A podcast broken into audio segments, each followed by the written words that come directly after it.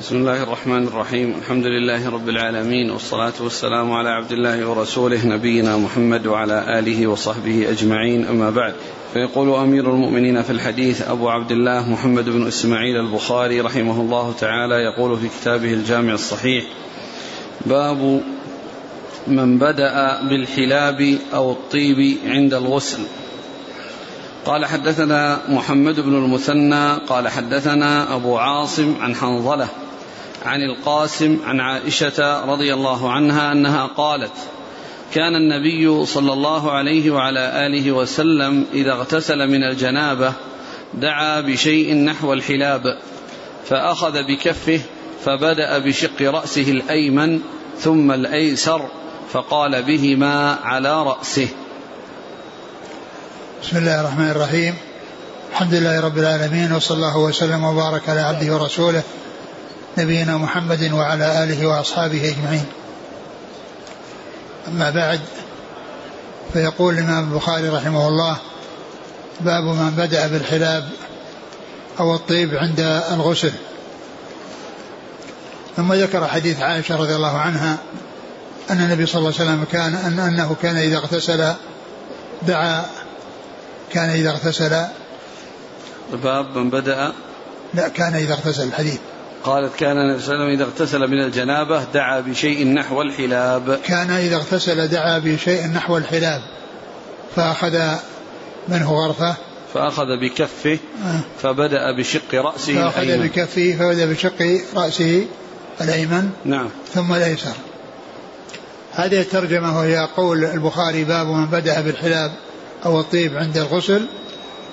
آه ذكر الحافظ بن حجر أن للعلماء فيها كلاما كثيرا في بيان المراد بها وبيان مطابقة الحديث للترجمة وذكر كلاما كثيرا في هذا والذي ارتضاه في آخر الأمر أن المقصود من ذلك أن المقصود بالحلاب هو الإناء الذي يحلب به الذي يحلب به والمقصود أنه دعا بإناء مثل الحلاب أو المكان الوعاء الذي يحلب به تحلب به البهائم التي هي الإبل والبقر والغنم.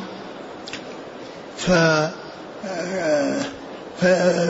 فيكون المقصود من ذلك الماء الذي يتطهر به. يعني دعا بحلاب أي بإناء فيه ماء. دعا بإناء فيه ماء.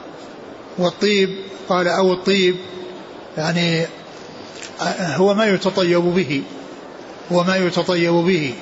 وقد ذكر الحافظ أن أن ما يتعلق بالحلاب أنه المراد به الوعاء الذي يحلب به وأنه على قدر الصاع أي الذي يحصل به الاغتسال أو المقدار الذي يحصل به الاغتسال أو الطيب أشار قال لعله أشار بذلك إلى ما جاء في آآ آآ كونه صلى الله عليه وسلم يتطيب عند إحرامه كما جاء عن عائشة رضي الله عنها أنها كانت تطيبه عند إحرامه فيكون بذلك لعله أشار إلى إلى ذلك الذي حصل في حجه عليه الصلاة والسلام وفي إحرامه وأنها كانت تطيبه لإحرامه قبل أن يحرم ومن المعلوم أن ذلك يكون فيه اغتسال فيه اغتسال يعني في ذلك الوقت للإحرام. وقد جاء في بعض الأحاديث التي ستأتي فيما بعد أن النبي صلى الله عليه وسلم يعني طاف على نسائه ويعني وتطيب وأنه أحرم بعد ذلك. فيكون ذكر الطيب يعني إشارة إلى إلى ذلك الحديث. أقرأ كلام الحافظ. من أي موضع؟ في آخره في آخر في آخر الشرح صفحة 81 في آخر شرح الحديث. في آخره قال تكميل أبو عاصم. لا قبل قبل قبل هذا. قبل هذا. قال ورأيت عن بعضهم ولا أحفظه الآن أن المراد بالطين في الترجمة الإشارة إلى حديث عائشة. قبل هذا قبل هذا. قبله؟ قبله بقليل.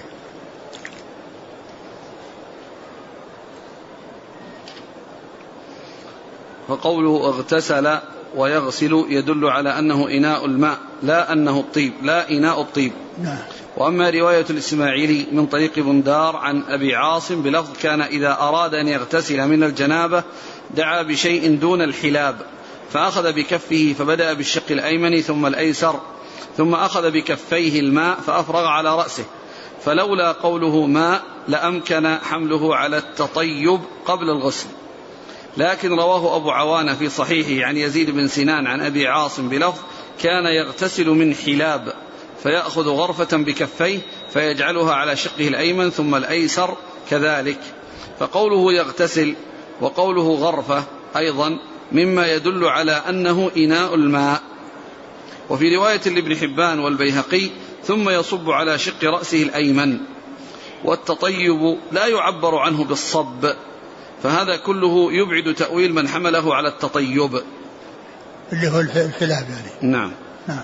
ورأيت عن بعضهم ولا أحفظه الآن أن المراد بالطيب في الترجمة الإشارة إلى حديث عائشة أنها كانت تطيب النبي صلى الله عليه وسلم عند الإحرام.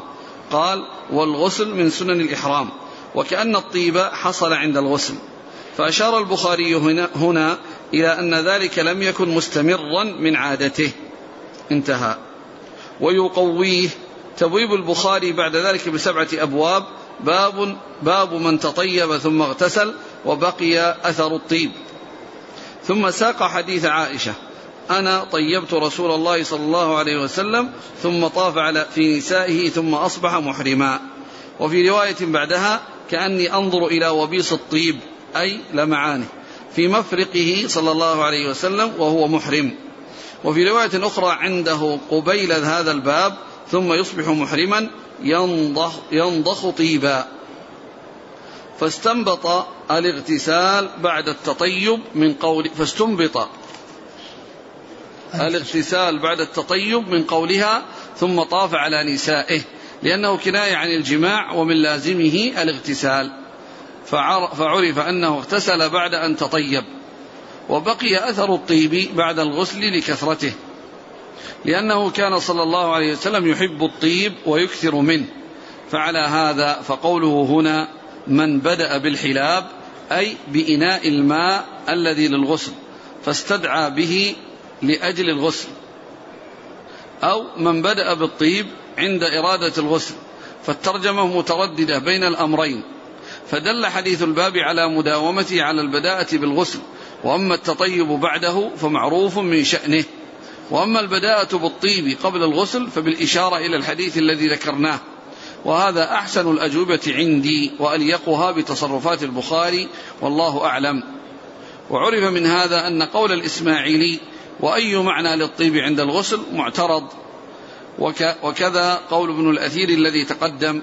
وفي كلام غيرهما مما تقدم مؤاخذات لم نتعرض لها لظهورها والله الهادي للصواب. يعني هذا يعني يبين أن مسألة الطيب أنها إشارة إلى الحديث الذي فيه تطيب الرسول صلى الله عليه وسلم لإحرامه وأنها بعدما طيبت وطاف على نسائه ثم اغتسلا نعم. حديث. عائشة قالت كان النبي صلى الله عليه وسلم إذا اغتسل من الجنابة دعا بشيء نحو الحلاب. يعني كان إذا اغتسل يعني أراد الاغتسال. يعني أنه يدعو بالحلاب أو بشيء نحو الحلاب من أجل أن يغتسل. فكان إذا اغتسل يعني أراد الاغتسال. دعا يعني طلب يعني شيء مثل الحلاب. دعا دعا بشيء نحو الحلاب. نحو الحلاب. نحو الحلاب الإناء الذي يحلب به تحلب به البهائم. نعم.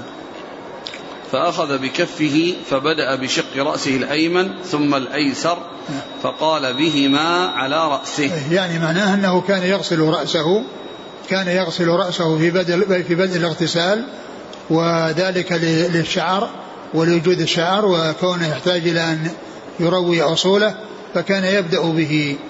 وثم بعد ذلك يفيض الماء على سائر جسده صلى الله عليه وسلم. فالحديث يعني فيه اختصار ولكن فيه يعني بيان أن أن أنه كان يغسل رأسه وأنه يصب عليه الماء يعني على شقه الأيمن ثم على شقه الأيسر. وقد مر أحاديث يعني في ذلك وأنه كان يعني يفعل ذلك صلى الله عليه وسلم وأنه كان في ثلاث غرفات في بعض الروايات. نعم.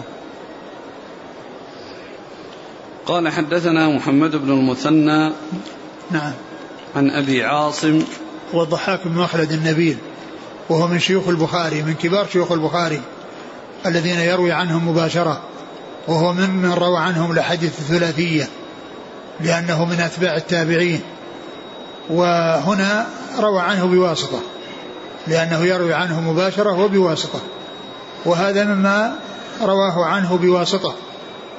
وروايته عنه مباشرة هي من الأحاديث هو من الشيوخ الذين روى عنهم الثلاثيات. الذين روى عنهم الثلاثيات. مثل هذا ومكي بن إبراهيم ومحمد بن عبد الله الأنصاري. هؤلاء يعني روى عنهم الثلاثيات. وهم وهم من كبار شيوخه. نعم. عن حنظلة. ابن أبي سفيان. عن القاسم. ابن محمد. عن أبي بكر. عن عمته. عائشة رضي الله عنها. نعم. قال رحمه الله تعالى باب المضمضة والاستنشاق في الجنابة. قال حدثنا عمر بن حفص بن غياث. قال حدثنا أبي قال حدثنا الأعمش قال حدثني سالم عن كريب عن ابن عباس رضي الله عنهما أنه قال حدثتنا ميمونة رضي الله عنها قالت صببت للنبي صلى الله عليه وسلم غسلا فأفرغ بيمينه على يساره فغسلهما ثم غسل فرجه ثم قال بيده الأرض فمسحها بالتراب ثم غسلها ثم تمضمض واستنشق ثم غسل وجهه وأفاض على رأسه ثم تنحى فغسل قدميه ثم أتي بمنديل فلم ينفض بها. فلم فلم؟ ينفض بها. ثم ذكر المضوضة الاستنشاق في الوضوء في الاغتسال. يعني سبق أن مر أن المضمضة أنها يعني مشروعة وأنها قد جاءت في في الوضوء وأوردها هنا من أجل أنها جاءت في الاغتسال. أنها جاءت في الاغتسال. وأن النبي صلى الله عليه وسلم يعني توضأ وضوءه للصلاة وأنه قد اغتسل واختلف أهل العلم يعني في ذلك والقول بأن بأنها آه، تكون المضمضة للاستنشاق في الغسل هذا هو القول الصحيح. بل هو أولى من, من الوضوء. بل هو أولى من الوضوء لأن الوضوء رفع حدث أصغر وهذا رفع حدث أكبر. وإذا شرع المضمضة والاستنشاق في الوضوء فإن فإنها فيما يتعلق بالغسل الذي هو غسل من الجنابة أنها أولى لأن الوضوء رفع حدث أصغر والاغتسال رفع حدث أكبر فيكون أولى. وقد جاء ذلك في هذه الكيفية التي جاءت في حديث ميمونة رضي الله عنها وأن النبي صلى الله عليه وسلم يعني تمضمض واستنشق يعني في بداية اغتساله أو في الوضوء الذي في أول اغتساله لأن الوضوء متصل بالغسل وهو من جملة الغسل فإذا تكون المضمضة آه، مطلوبة في في الغسل من الجنابة كما أنها مطلوبة في الوضوء بل ذلك أولى كما قال ذلك بعض أهل العلم. نعم. وش الحديث؟ قال حديث ميمونة. قالت صببت للنبي صلى الله عليه وسلم غسلا. غسلا يعني يعني ماء يغتسل به. يعني ماء يغتسل يعني يعني أتت له بماء يغتسل به. فأفرغ يعني على يده اليمنى وغسلها اليمنى على اليسرى فغسلهما. وهذا هو الغسل الذي يكون قبل قبل إدخالها في الإناء قبل إدخال اليد في الإناء. نعم. ثم فأفرغ بيمينه على يساره فغسلهما ثم غسل فرجه. ثم غسل فرجه وبدأ بفرجه. يعني بعدما غسل يديه بدأ بفرجه. وقد مر في بعض الأحاديث أنه يعني كان ذكر غسل الفرج يعني في في في في, في, في, في أثناء الاغتسال. وهذا يبين أن أن أن أن, أن أنه بدأ بغسل فرجه وذلك لإزالة آثار الجماع وإثارة ما علق به بسبب ذلك فإن البدء به هو المتعين فإن البدء به هو المتعين.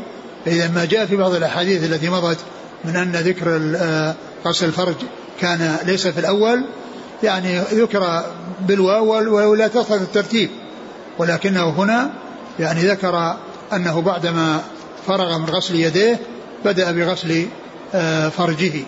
وهذا مثل الإنسان عندما يقضي حاجته فإنه يستنجي ثم يتوضأ. فكذلك هنا يعني يعني يزيل آثار الجماع. وإن كان المني طاهرا ليس بنجس ليس مثل البول إلا أن آه، البدء به أولى. لا سيما إذا كان الإنسان س يعني آه، يعني سيكون أو نوى رفع الحدث الأكبر والأصغر لأنه لو لمس ذكره في أثناء اغتساله فإن مس الذكر ينقض ينقض الوضوء. ولا يعني يعني وإنما تكون السلامة في ذلك ويكون الحق في ذلك إذا بدأ به لأنه يبدأ به ثم بعد ذلك يستعمل يده في سائر جسده. أما لو استعمل يده في فرجه يعني في, في, في, في الوضوء أو في أثناء الوضوء فإن مس الذكر ينقض الوضوء كما هو معروف. آه.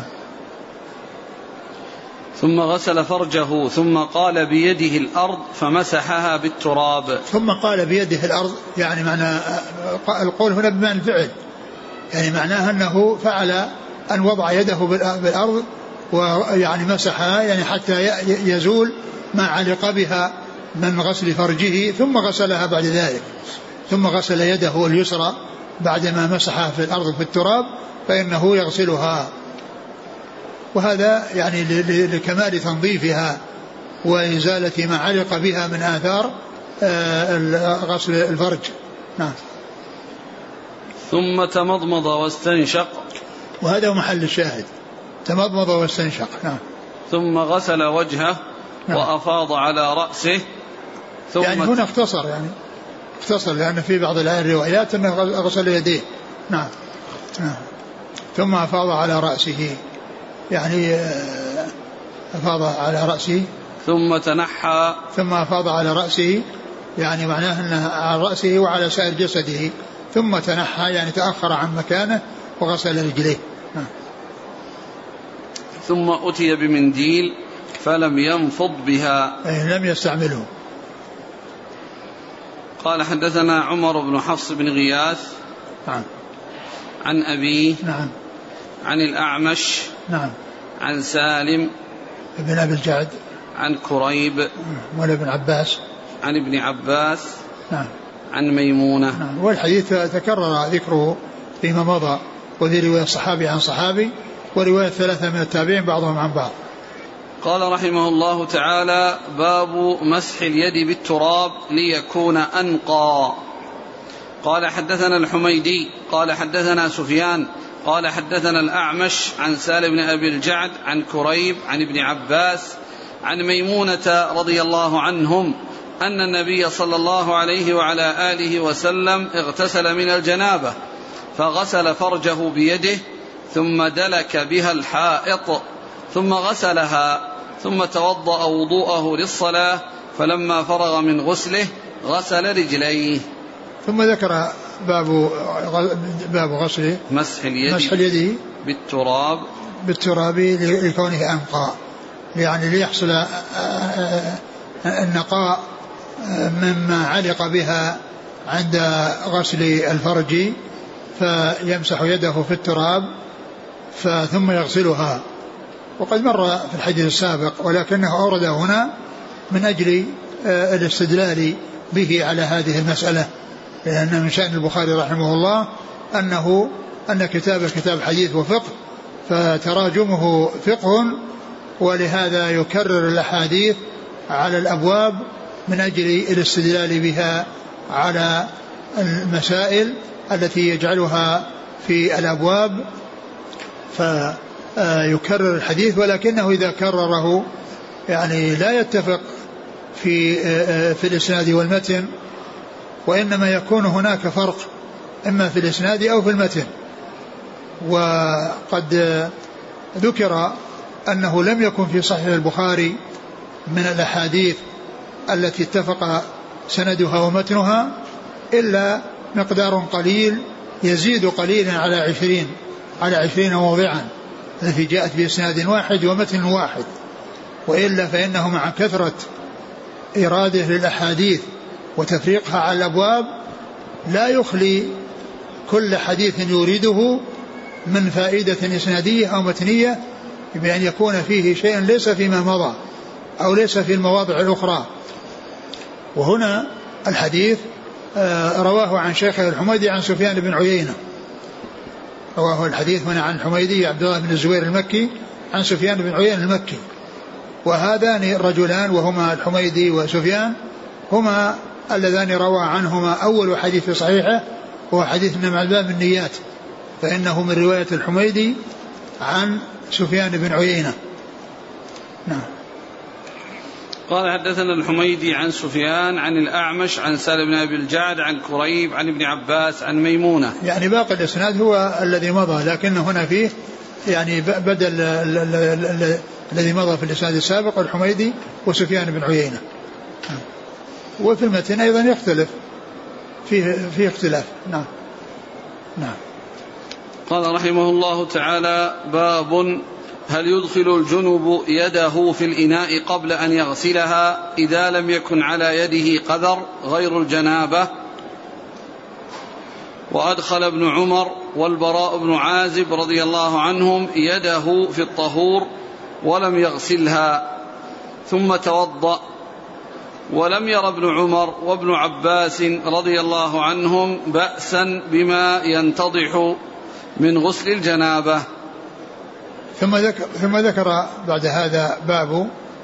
هل يدخل الجنب يده في الإناء قبل أن يغسلها إذا لم يكن على يده قدر غير نعم. الجنابة؟ نعم. يعني هل يدخل الإنسان المغتسل يعني من الجنابة يده في الإناء قبل أن يغسلها من الجنابة؟ يعني ال ال ال الأولى والأفضل أن يغسلهما خارج خارج الإناء. وكان هذا هو المعروف من هديه صلى الله عليه وسلم في كثير من الأحاديث أنه عندما يريد أن يتوضأ أو يريد أن يغتسل فإنه يفرغ على على يفرغ من الإناء ويغسلهما. وهنا كذلك أيضا بالنسبة للجنابة فإن اليد إذا كانت نظيفة وليس فيها قدر وليس فيها شيء إلا أن صاحبها جنب فإن ذلك لا يؤثر لأن الجنب الجنب لا ينجس. ليس فيه نجاسة ويده طاهرة فإذا غمسها في الإناء وليس في يدها وليس فيها قدر أو نجاسة يعني آه، طارئة أو حاصلة وليس فيها إلا أنه جنب فإن ذلك لا يؤثر له ذلك جائز. ولكن الأولى هو غسلها خارج الإناء كما جاءت به الأحاديث الكثيرة الصحيحة عن رسول الله صلى الله عليه وسلم من حديث عثمان وغيره التي مر بنا جملة عديدة منها في في, في كتاب الوضوء. وأنه كان يغسل يديه خارج الإناء عندما يريد يتوضأ وكذلك فيما يتعلق في الاغتسال إلا أن ذلك ليس بواجب وأنه يعني حرام أن يستعمل ذلك وإنما يجوز له أن يستعمل ذلك بأن يدخل يده في الإناء وهو جنوب. يدخل يده في الإناء وهو جنوب إذا كانت نظيفة ليس فيها شيء من القدر وليس فيها شيء من النجاسات لأن كون الإنسان عليه جنابة لا يؤثر. كونه يعني يمس شيئا كونه يمس شيئا أو يدخل نفسه يمس الماء أو يدخل يده في الإناء فإن ذلك لا يؤثر فيه. نعم ورأى ابن عمر. وأدخل ابن عمر والبراء بن عازب يده في الطهور ولم يغسلها ثم توضأ. يعني وهذا يبين أن هذين الصحابيين الجليلين آه، البراء و البراء وابن عمر. وابن عمر رضي الله عنهما أدخل يدهما أدخل يدهما ولم لم يغسلاها. أدخل يد يده, يده في الطهور ولم يغسلها الطهور يعني الماء الذي يتطهر به. الطهور يعني فتح الطاء الماء الذي يتطهر به. ولم يغسل يعني ما غسلوها قبل. ما غسلوها قبل أن إدخاله إدخالها. ودل ذلك على أنه جائز. إلا أن الأولى هو الغسل. كما جاءت به الأحاديث الكثيرة. الأولى هو الغسل وكون الإنسان يدخلها حيث ليس فيها نجاسة ولا قدر جائز. وقد جاء عن ابن عمر وعن البراء بن عازب رضي الله عنهما. نعم. ولم ير ابن عمر وابن عباس بأسا بما ينتضح من غسل الجنابة. ولم يرى ابن عمر وابن عباس رضي الله عنهما بأسا بما ينتضح من غسل الجنابة. يعني الشيء الذي يعني يعني ينزل يعني من أعضاء الإنسان لم يروا به بأس إذا مس جسد أو مس لأنه ليس بنجس. وإن حصل به التطهير لا يقال أنه نجس. لكنه لا يرفع به حدث يعني بمعنى أنه لو استعمله يعني فيما يتساقط يجعله يعني يصبه في طشت ثم يغتسل به أو يتوضأ به لا يرفع.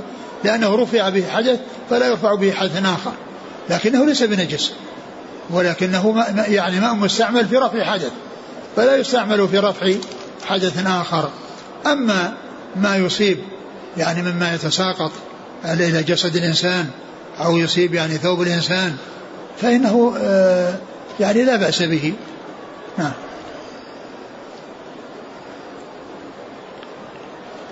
قال حدثنا عبد الله بن مسلمة قال أخبرنا أفلح عن القاسم عن عائشة رضي الله عنها أنها قالت كنت أغتسل أنا والنبي صلى الله عليه وعلى آله وسلم من إناء واحد تختلف أيدينا فيه.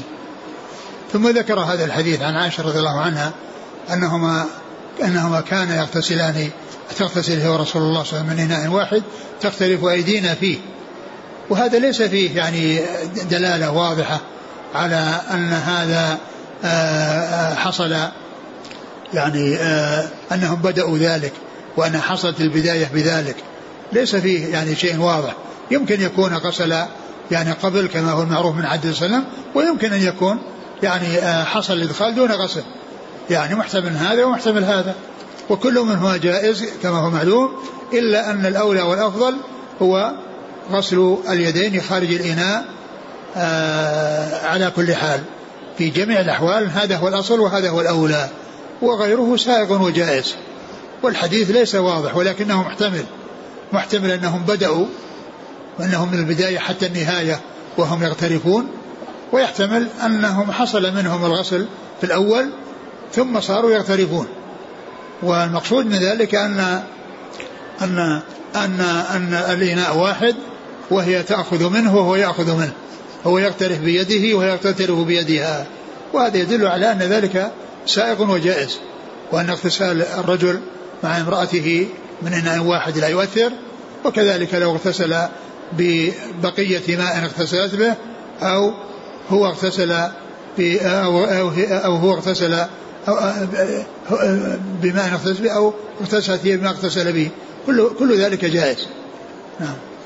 يختلفان يختلف قالت من إناء واحد تختلف أيدينا فيه. تختلف أيدينا فيه يعني أن أنه يأخذ ثم تأخذ. يعني يتناوبون في الأخذ نعم. قال حدثنا عبد الله بن مسلمة القعنبي عن أفلح بن حميد. عن القاسم بن محمد. عن عائشة. نعم. قال حدثنا مسدد قال حدثنا حماد عن هشام عن أبيه عن عائشة رضي الله عنها أنها قالت كان رسول الله صلى الله عليه وعلى آله وسلم إذا اغتسل من الجنابة غسل يده. ثم ذكر يعني هذا الحديث المختصر الذي سبق أن جاء في عدة أحاديث كان إذا اغتسل من الجنابة غسل يده.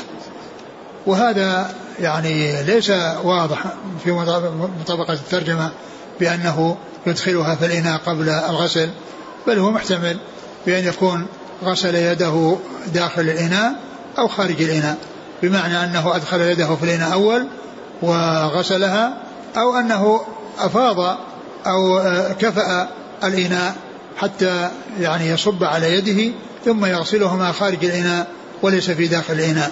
نعم. قال حدثنا مسدد نعم. عن حماد بن زيد عن هشام بن عروة.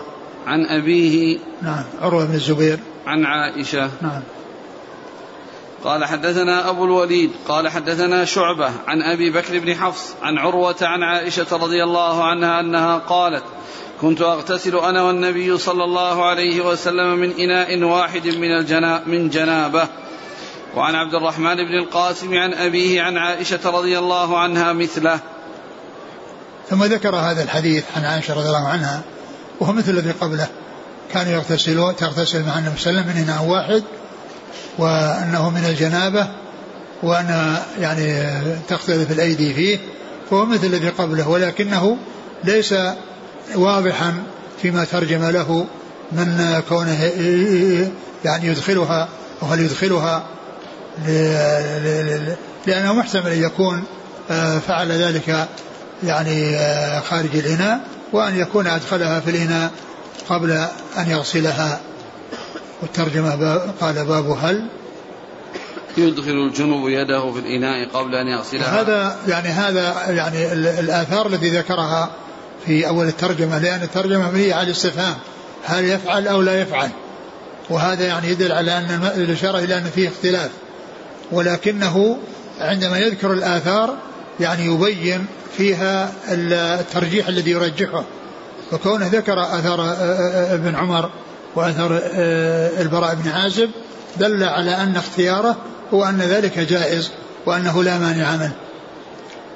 نعم. قال حدثنا أبو الوليد هو هشام بن عبد الملك الطيالسي. عن شعبة بن الحجاج.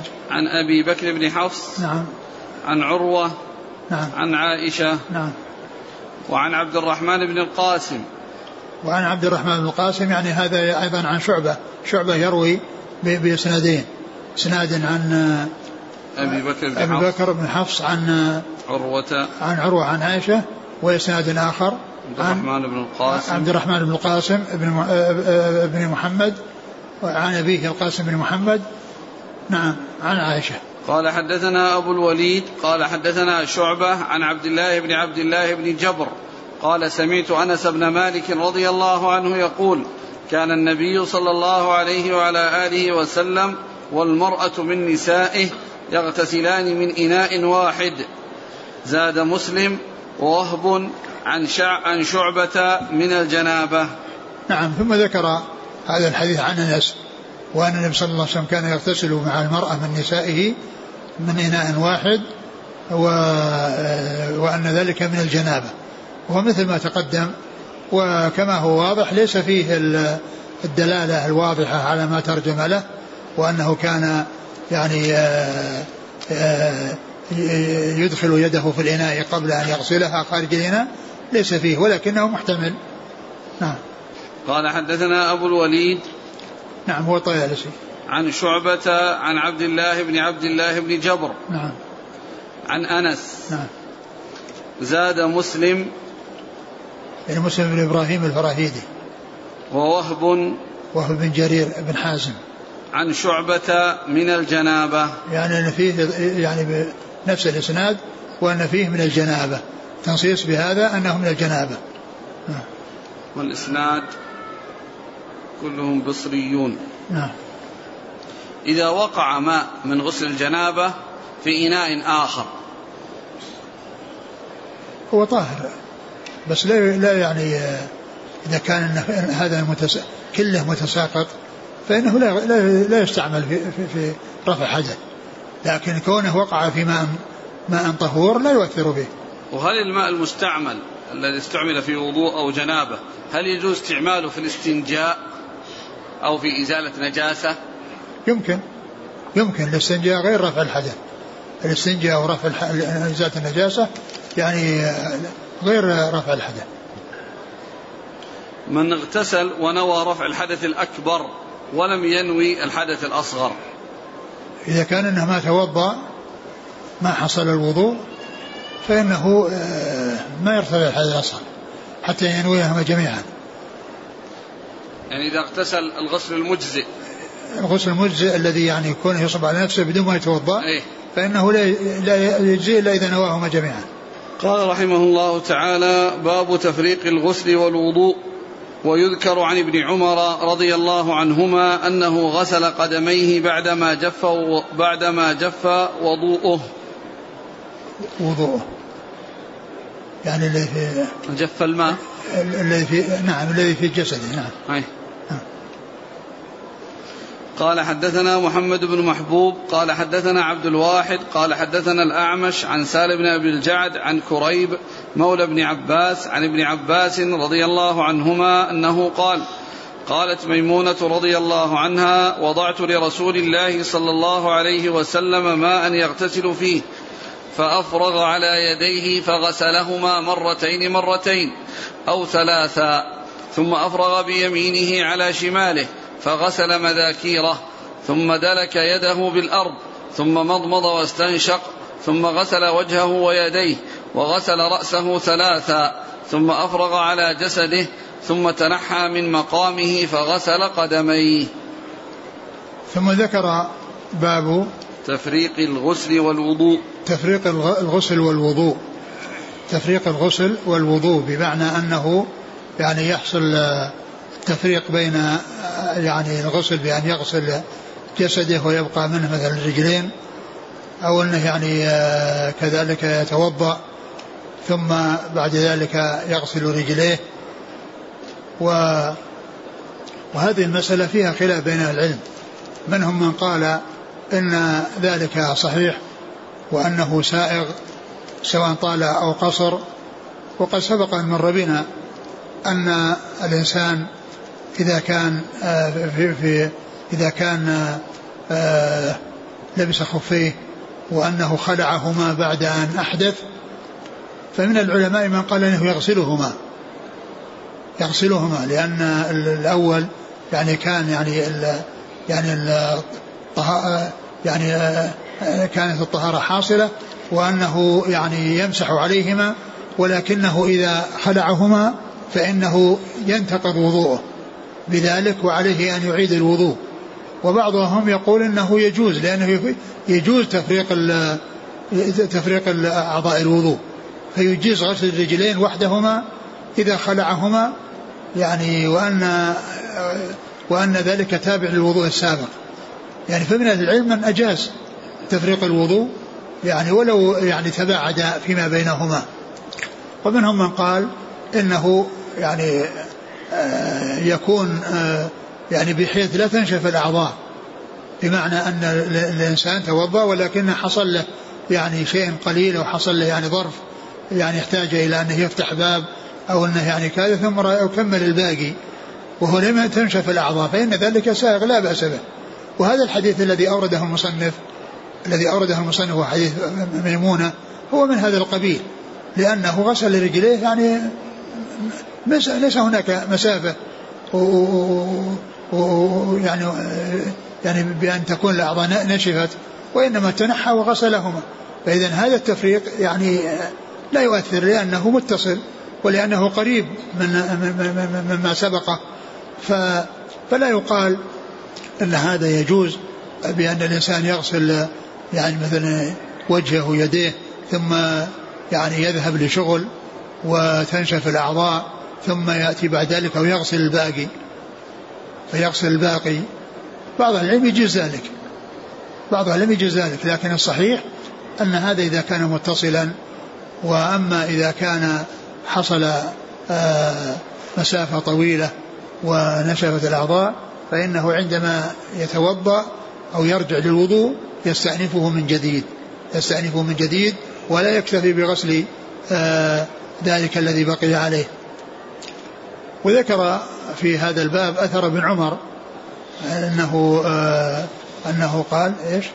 غسل قدميه بعدما جف وضوءه. نعم. يعني غسل قدميه بعدما جف وضوءه.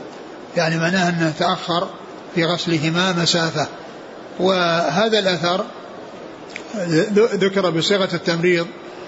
ومن عادة البخاري رحمه الله كما ذكر الحافظ بن حجر أنه إذا روى الحديث أو روى الأثر بالمعنى أو أنه كان يعني عن يعني عن عن بعض الصحابة فإنه وصار في رواية بالمعنى فإنه يأتي به بصيغة التمريض للإشارة إلى التصرف في روايته بالمعنى. وهذا يدل على أنه ليس كل ما يأتي في البخاري بصيغة التمريض أنه يكون ضعيفا بل قد يكون آه، صحيحا ولكنه استعمل ذلك من أجل الإشارة إلى آه، أمر من الأمور كالرواية بالمعنى كما ذكر ذلك الحافظ ابن حجر. نعم. حديث ميمونة قالت وضعت لرسول الله صلى الله عليه وسلم ماء يغتسل به فأفرغ على يديه فغسلهما مرتين مرتين أو ثلاثا وهذا وهذا يبين يعني يبين هذا الحديث أنه يعني عندما اغتسل أنه أفرغ على يديه وأنه غسلهما خارج الإناء. والبخاري رحمه الله أورد الحديث حديث ميمونة في الباب السابق الذي هو إدخاله بالإناء قبل غسلهما.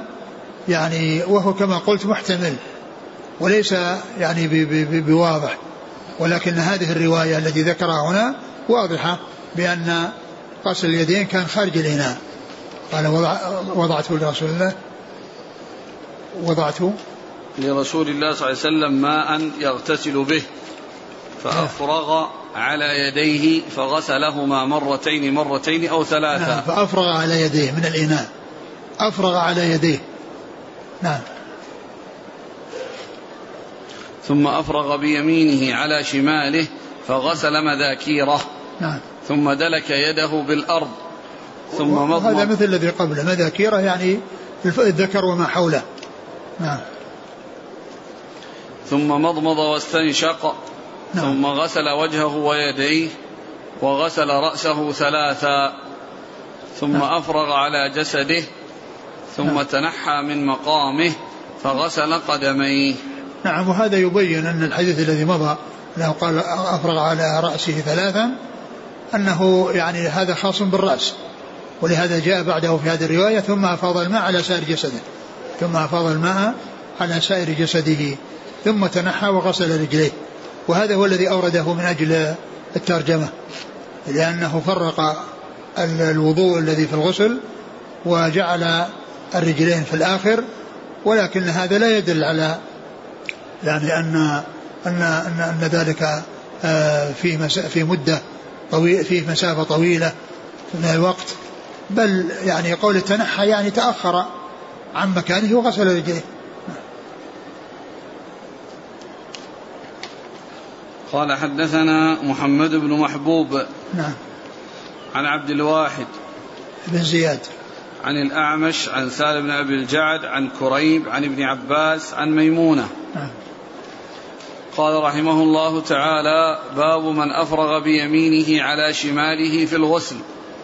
قال حدثنا موسى بن إسماعيل قال حدثنا أبو عوانة قال حدثنا الأعمش عن سالم بن أبي الجعد عن كريب مولى بن عباس عن ابن عباس عن ميمونة بنت الحارث رضي الله عنهم قالت وضعت لرسول الله صلى الله عليه وسلم غسلا وسترته فصب على يده فغسلها مرة أو مرتين. قال سليمان لا أدري أذكر الثالثة أم لا؟ ثم أفرغ بيمينه على شماله فغسل فرجه ثم دلك يده بالأرض أو بالحائط ثم تمضمض واستنشق وغسل وجهه ويديه وغسل رأسه ثم صب على جسده ثم تنحى فغسل قدميه. فناولته خرقة فقال بيده هكذا ولم ولم يرد يردها. ولم يردها. ثم ذكر باب من أفرغ بيمينه على شماله في الغسل. باب من أفرغ بيمينه على شماله في الغسل. يعني أورده من أجل هذه من أجل هذه المسألة. وهي أن أنه يعني يأخذ من الإناء في يمينه ويعني يجعلها على شماله على شماله فيعني يستعمل يعني ذلك في يعني في غسل ذكره. وأما بالنسبة لليدين أو بالنسبة لليد الواحدة إذا كان أدخلها قبل أن يغسلهما لأنه جاء في بعض الروايات أنه يفرغ من خارج الإناء فيغسل يديه. وهنا قال يأخذ يفرغ من شمال من يمينه على شماله. فيحتمل أن يكون ذلك آه يعني آه أنه بعد آه غسلهما. يعني بعد أن يعني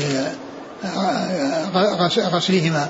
وأنه يعني يفرغ بيديه على شماله ثم يعني يغسل مذاكيره وما حوله. لفظ الحديث قال أفرغ أفرغ فصب يد فصب على يده فغسلها مرة أو مرتين قال سليمان لا أدري أذكر الثالثة أم لا. ثم أفرغ بيمينه على شماله فغسل فرجه. نعم. يعني هذا يعني الأول في غسل اليدين والثاني فيه غسل كونه يأخذ من اليمين في اليمين من الماء ويضع في الشمال فيستنجي بها أو يعني يغتسل أو يغسل مذاكيره وما حوله.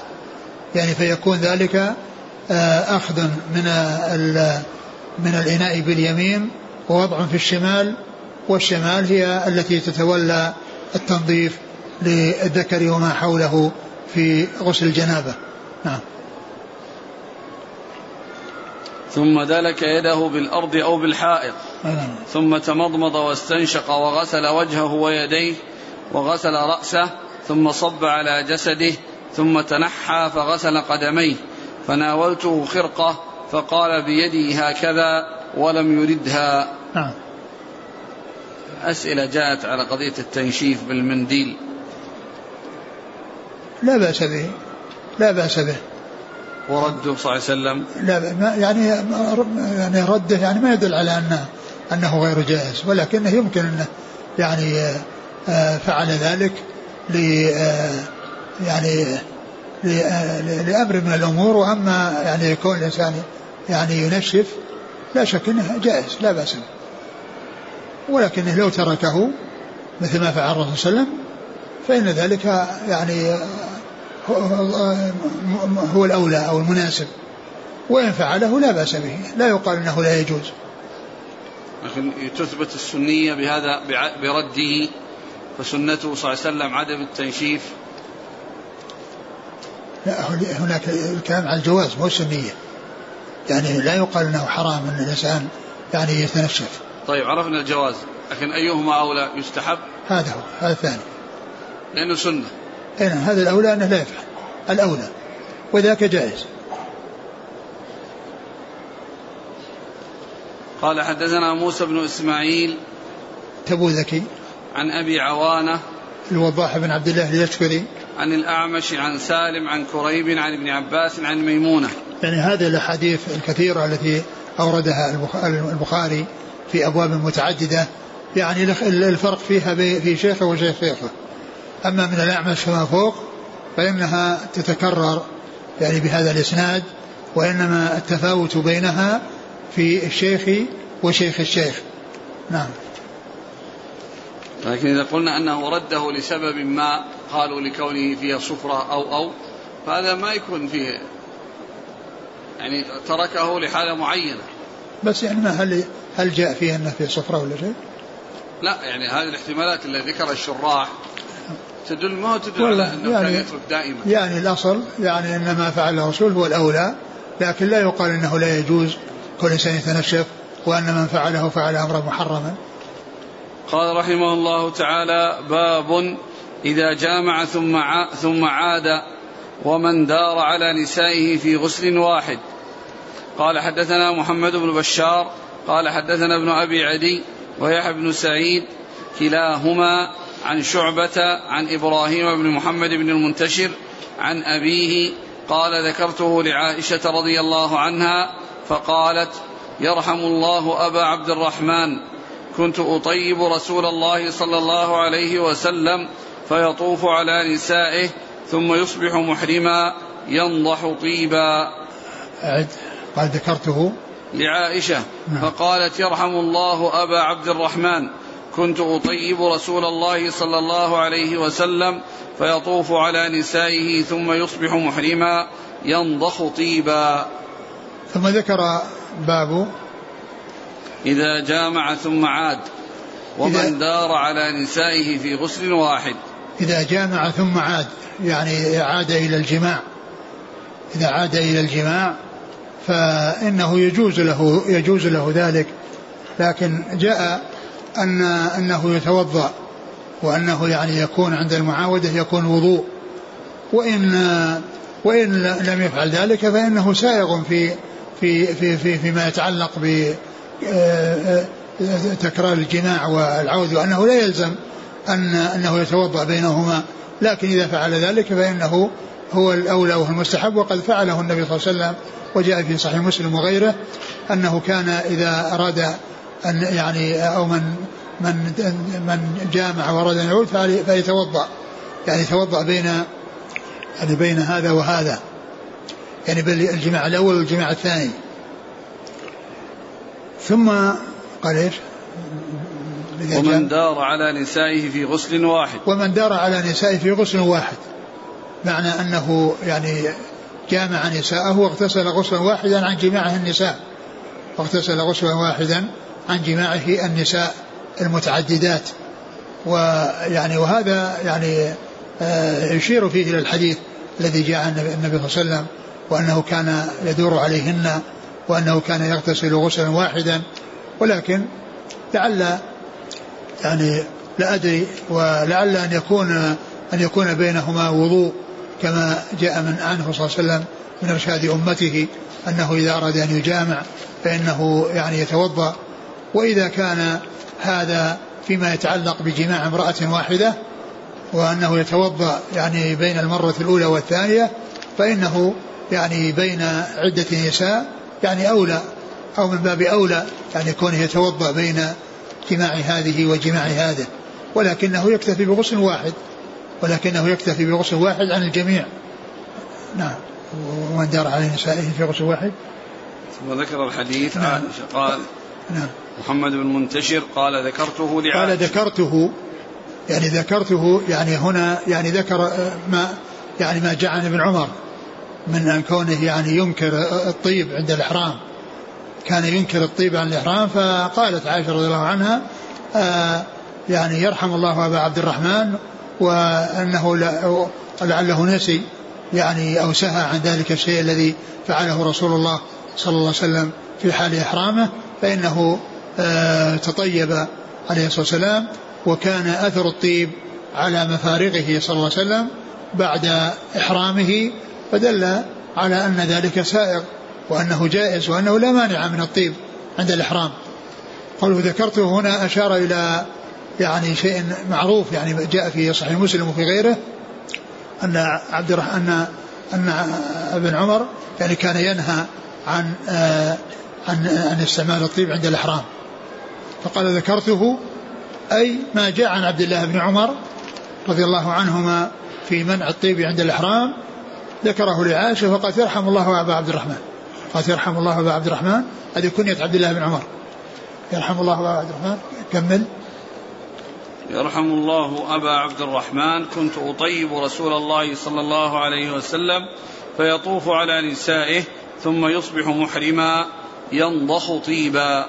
نعم يعني هذا يدل على أن ما جاء عن ابن عمر يعني من آه، كراهية ذلك أن السنة بخلافه وأنه يعني قد يكون نسي يعني هذا الذي حصل أو سهى عنه. نعم. قال حدثنا محمد بن بشار نعم هو بن دار. عن ابن أبي عدي وهو محمد بن إبراهيم نعم. ويحيى بن سعيد قطان. كلاهما عن شعبة نعم. عن إبراهيم بن محمد بن المنتشر عن أبيه. عن أبيه نعم. عن عائشة. نعم. قال حدثنا قال, قال عائشة رضي الله عنها قالت كنت قال ذكرته لعائشة فقالت يرحم الله أبا عبد الرحمن كنت أطيب رسول الله. وهذا يطيب رسول الله إيش لإحرامه؟ كنت أطيب رسول الله فيطوف على نسائه. نعم. هو جاء في بعض الأحاديث لإحرامه قبل أن يحرم ولحله قبل أن يطوف بالبيت. لإحرامه قبل أن يحرم ولحله قبل أن يطوف بالبيت. وهنا أخبرت يعني أنه عند الإحرام لأن لأن المقصود يعني أنه عند عند عند الإحرام يعني الذي أنكره ابن ابن عمر قال كنت أطيبه يعني عند إحرامه صلى الله عليه وسلم فيطوف بنسائه ثم يعني يصير الطيب يعني آه، ينضح أو ينضح على عليه صلى الله عليه وسلم لكثرته ولث يعني كونه ثقينا يعني على جسده. نعم. يقول هل في ذلك مخالفة للقسم؟ ليس فيه مخالفة إما أن يكون النبي صلى الله عليه وسلم كان يعني يعني آه، ليس واجبا على القسم أو أنه يعني حصل منه الاستئذان لتطيب من صاحبة النوبة يعني من صاحبة النوبة يعني آه، مثل ما استأذنهن في التمريض عند عائشة رضي الله عنها لتطيب خواطرهن فيمكن أن يكون هذا وأن يكون هذا. نعم.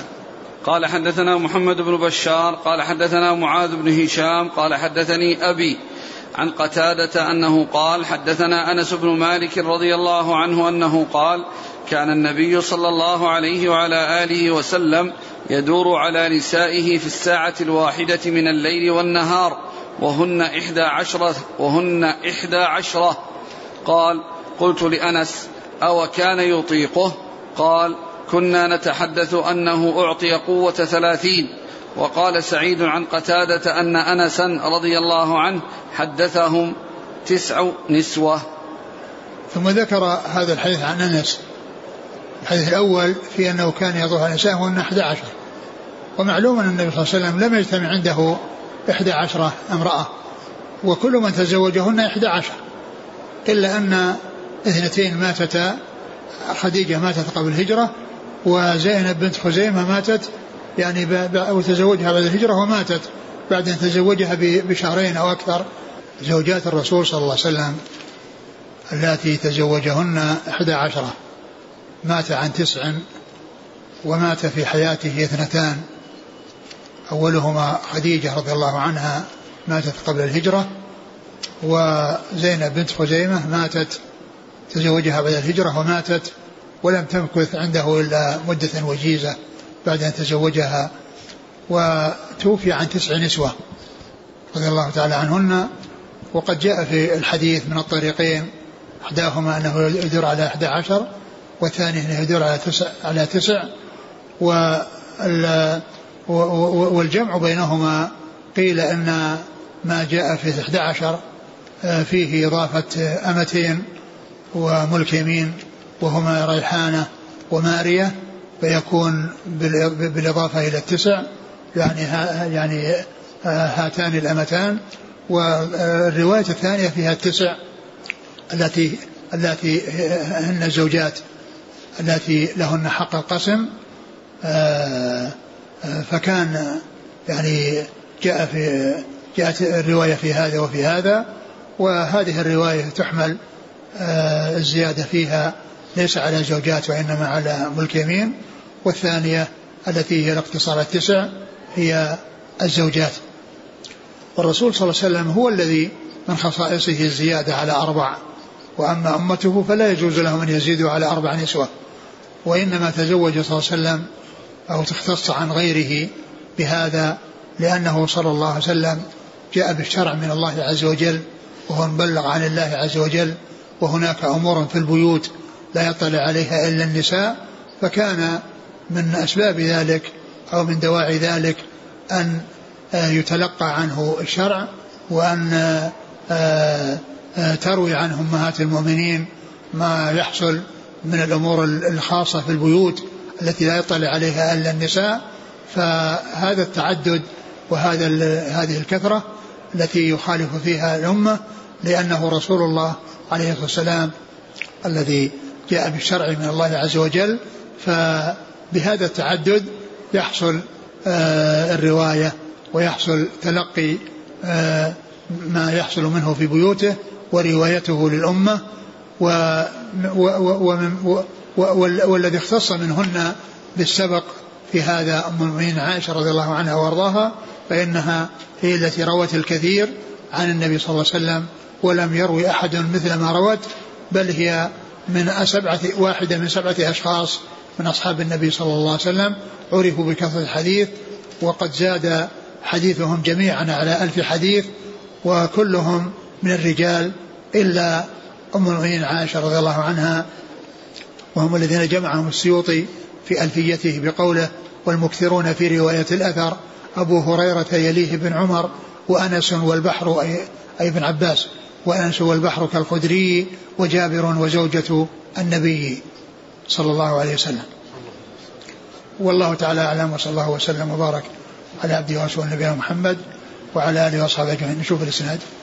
قال حدثنا محمد بن بشار. وفي الحديث أن أنه سئل يعني قال أو يطيق ذلك؟ قال أعطي قوة ثلاثين رجلا. وهذا بيان أيضا ما اختص به صلى الله عليه وسلم من القوة وكمال الرجولة. عليه الصلاة والسلام وكمال يعني الصفات الكريمة العظيمة في الرجال فقد اتصف بكل خلق كريم وسلم من أدنى أي وصف ذميم صلوات الله وسلامه وبركاته عليه. شيء في المتن غير هذا؟ غير ال... كان النبي صلى الله عليه وسلم يدور على نسائه في الساعة الواحدة من الليل. الساعة هذه ليس مقصود بالساعة الساعة يعني التي فيه جزء قليل من النهار أو من الليل مثل ما جاء من راح في الساعة الأولى فكأنما قرب بدنه ومن راح في الساعة الثانية فكأنما قرب بقرة ومن راح في الساعة الثالثة فكأنما قرب آه، آه، شاة ومن راح في الساعة الخامسة آه، الرابعة فكأنما قرب دجاجة ومن راح في الساعة الخامسة فكأنما قرب بيضة. يعني ليس المقصود يعني ساعة من جنس هذه الساعات التي يعني التي لها مدد وجيزة. وقد قيل إن الليل والنهار فيه 24 ساعة. 24 ساعة في الليل والنهار. وقد, وقد ذكرها الثعالبي في فقه اللغة وذكر اسم كل واحدة منها. 12 ساعة في الليل و12 ساعة في النهار. وسمى كل ساعة باسم يخصها. فليس المقصود بالساعة يعني هذا المقدار الذي هو قليل جدا فإن هذا لا يمكن للطواف وللاغتسال. وإنما المقصود من ذلك جملة من الزمان أو شيء من الزمان يعني فيه سعة يستوعب يعني مثل هذا العمل. نعم. ويمكن أن يكون يعني يعني ساعة يعني من ليل أو نهار أن تكون كلها من النهار أو كلها من الليل أو بعضها من الليل وبعضها من النهار. نعم. وهن إحدى عشرة. قال. قلت لأنس أو كان يطيقه؟ قال كنا نتحدث أنه أعطي قوة ثلاثين. نعم. وقال عن سعيد عن قتادة أن أنسا حدثهم تسع نسوة. وسعيد بن أبي عروبة هو من أثبت الناس في قتادة. سعيد بن أبي عروبة هو أثبت الناس في قتادة. وقد جاء عنه رواية التسع. نعم. قال حدثنا محمد بن بشار نعم بن دار. عن معاذ بن هشام معاذ بن هشام الدسوائي عن أبيه نعم. عن قتادة نعم عن دعامة. نعم. الثاني عن سعيد عن قتادة عن أنس. نعم. كلهم من أهل البصرة. نعم. من أهل البصرة. نعم. انتهى. جزاكم الله خيرا وبارك الله فيكم وألهمكم الله الصواب ووفقكم للحق. نفعنا الله ما سمعنا غفر الله لنا ولكم وللمسلمين أجمعين. سبحانك اللهم وبحمدك أشهد أن لا إله إلا أنت أستغفرك وأتوب إليك.